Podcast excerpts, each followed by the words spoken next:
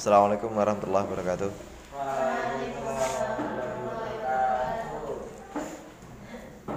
La hadratina Mustafa Astana Muhammad wa ala alihi wa sahbihi aswaji wa tirati wa ikhwani minal anbiya wal mursalin.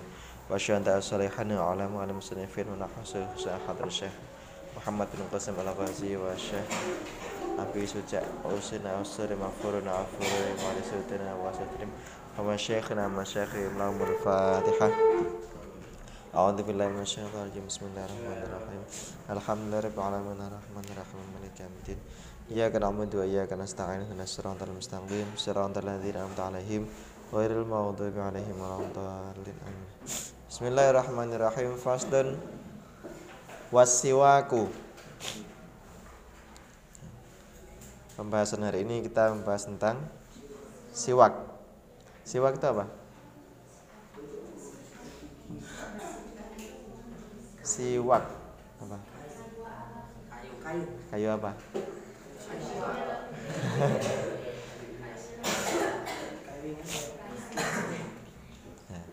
Siwak itu artinya menggosok gigi. Kalau kayu yang biasa digunakan untuk gosok gigi itu namanya kayu bukan kayu arok. Arok. Kayu arok. Arokun. Alif ro alif kaf arok. Itu namanya kayu arok. Ya. Kayu arok. Kayu arok. Eh, arok atau miswak ya. Jadi kalau siwak itu artinya perbuatannya, gosok giginya, arok itu kayunya, kayu yang digunakan. Biasanya dari nak zaman Wian, kayu arok itu digunakan untuk membersihkan, untuk gosok gigi ya. Diambil ranting yang ukuran satu jari begini. Nah, kemudian direndam, dipotong, direndam semalam, terus kulitnya dibersihkan nah, nanti serabutnya itu digunakan untuk gosok gosok gigi dulu Nek gunamu paling gosok gigi ini karo areng masih ada. Gua areng men terus sih pakai areng saya mending ya daripada gua awu wasiwak utawi siwak. Menggosok gigi iku mustahabun dan sunahake.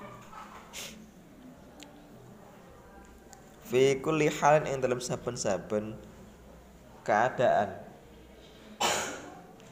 siwak hukumnya sun sunah illa ba'da zawali kejaba ing dalem eh sakwise lingser srengenge.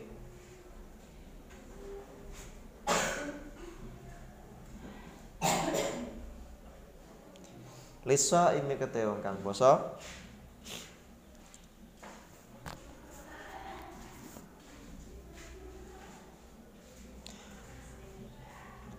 Jadi hukum siwak itu disunahkan ya. Dalam semua keadaan kecuali apa? Kecuali bagi orang yang berpuasa setelah waktu duhur bagi yang berpuasa setelah waktu duhur dia gosok gigi hukumnya makruh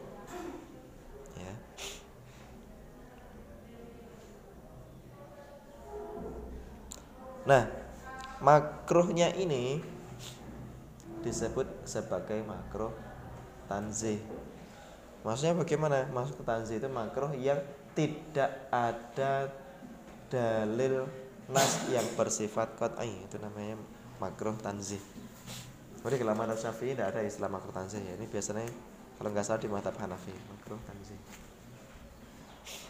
Nah, kenapa gosok gigi ketika setelah puasa? Jadi bagi orang berpuasa, kenapa gosok gigi itu hukumnya makruh? Kenapa? Ada yang tahu? Nah, kenapa? Gosok gigi kok hukumnya makruh bagi berpuasa kan? Ada dalil yang menyatakan wa yukra ini bla bla bla bla tidak ada hadis Nabi yang menyatakan bahwa menggosok gigi orang berpuasa hukumnya. Ya. Yang ada hadis begini. La khulu fi shaimi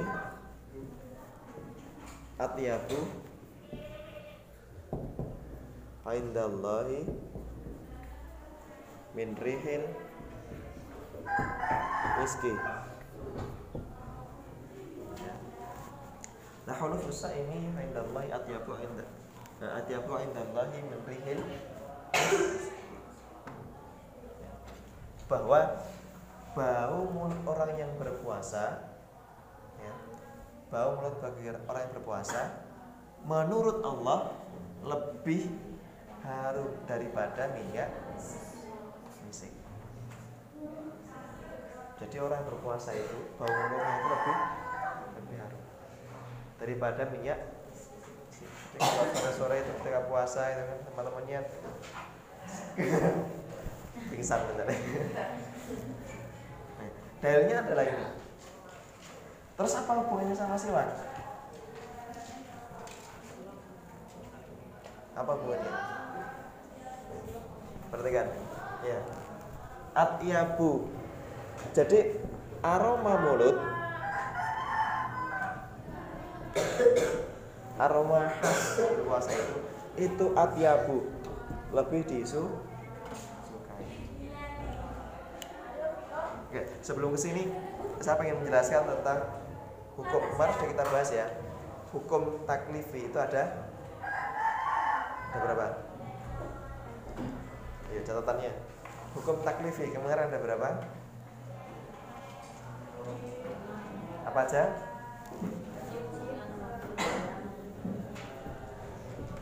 Hukum taklif ada berapa?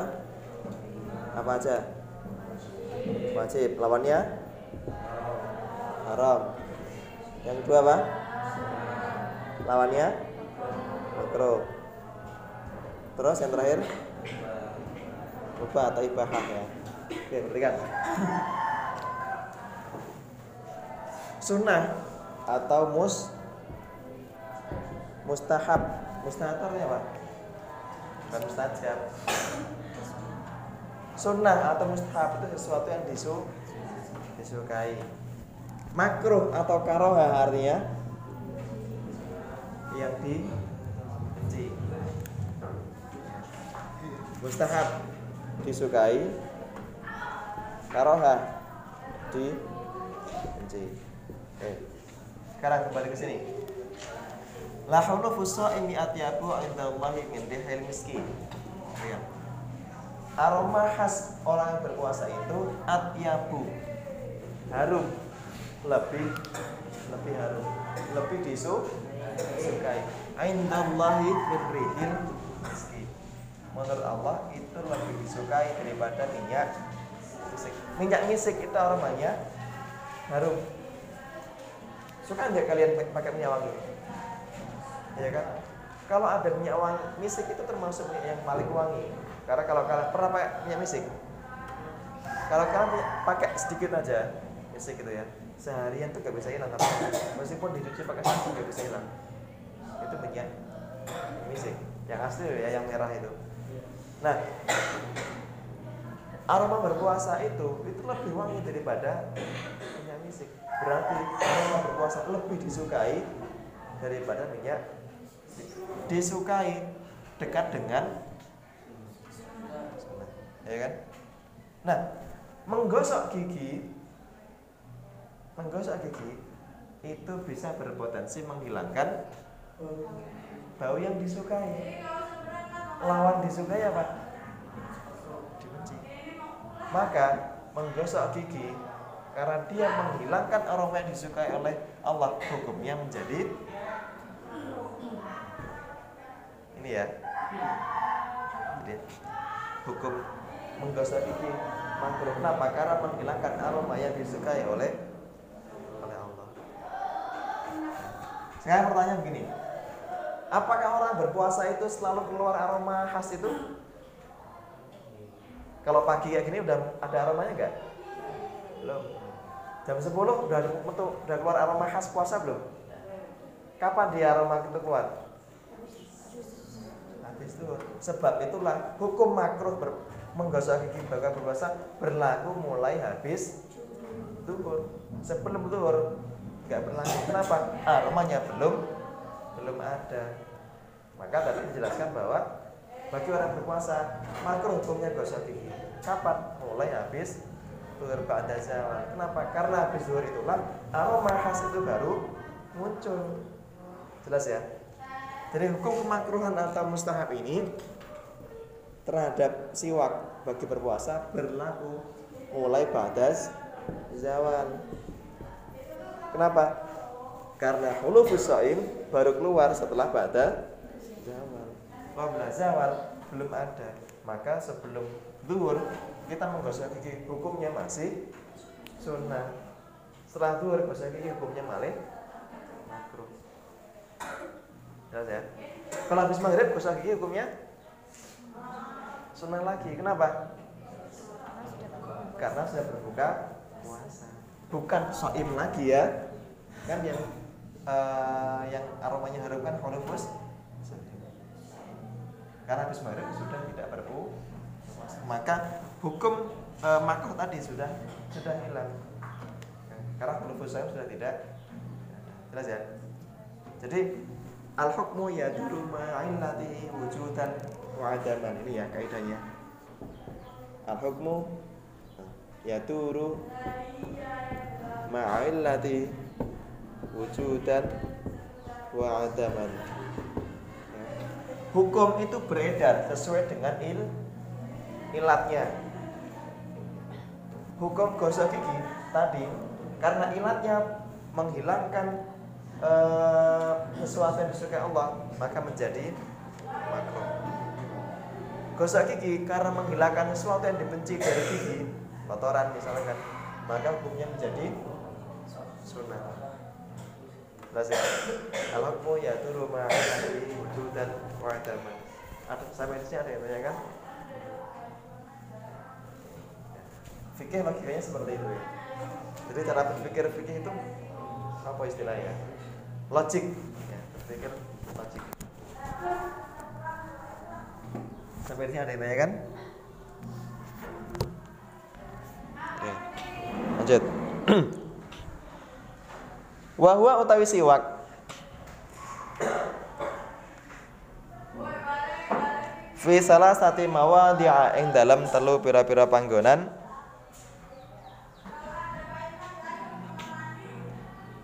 Iku asyatu istihbaban banget den sunake.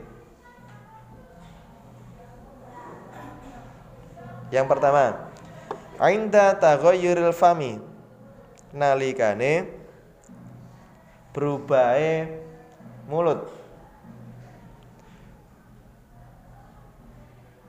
min azmin saking apa sepet wa ghairi lan liyane azmun.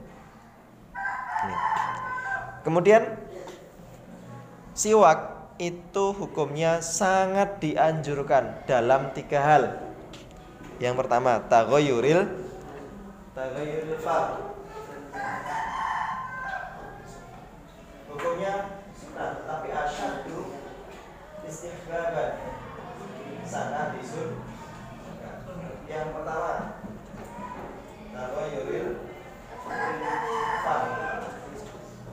aroma mulut yang berubah.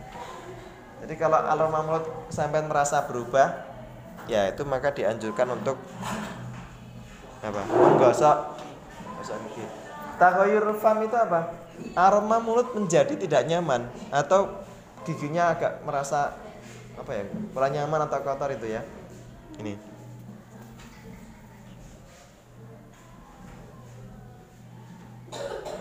sebabnya apa macam-macam bisa jadi azmun itu ya takoyurul fam itu bisa jadi karena azmun itu diam di berdiam lama ya. atau mungkin karena setelah mengkonsumsi makanan yang beraroma ya, bawang, berambang, pete, jengkol, nah, wakwatuha itu. itu maka saya gosok gigi jaling ya dan teman-temannya itu atau ya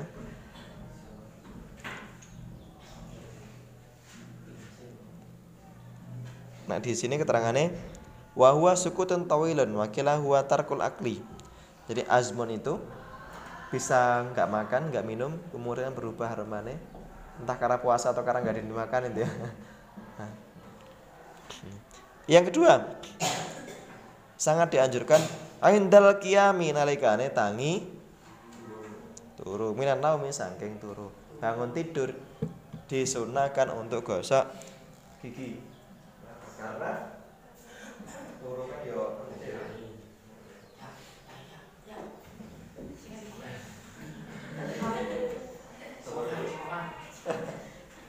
bangun tidur ya karena kalau bangun tidur biasanya kan ya aroma mulut kan menjadi rak karu-karuan tuh. Wa indal qiyamilan nalikane jumeneng ila sholati maring salat.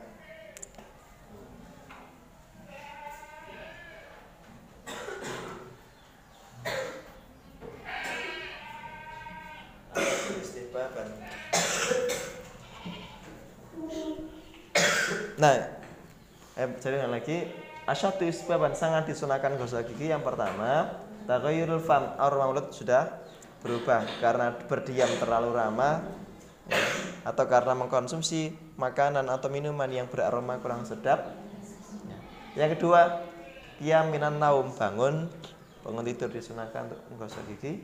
Kemudian yang ketiga ketika akan mendirikan sholat. Makanya sebelum saat disunahkan gosok gigi. Terus? Apa lagi?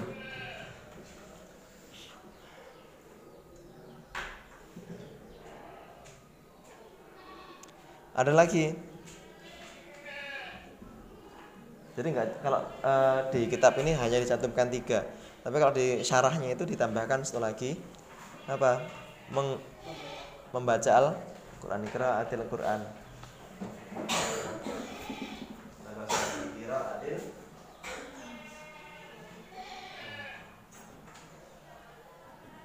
sama lagi apa Isbirawas sini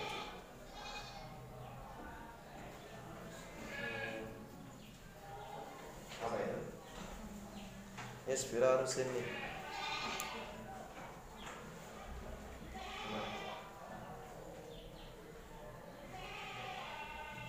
Giginya berubah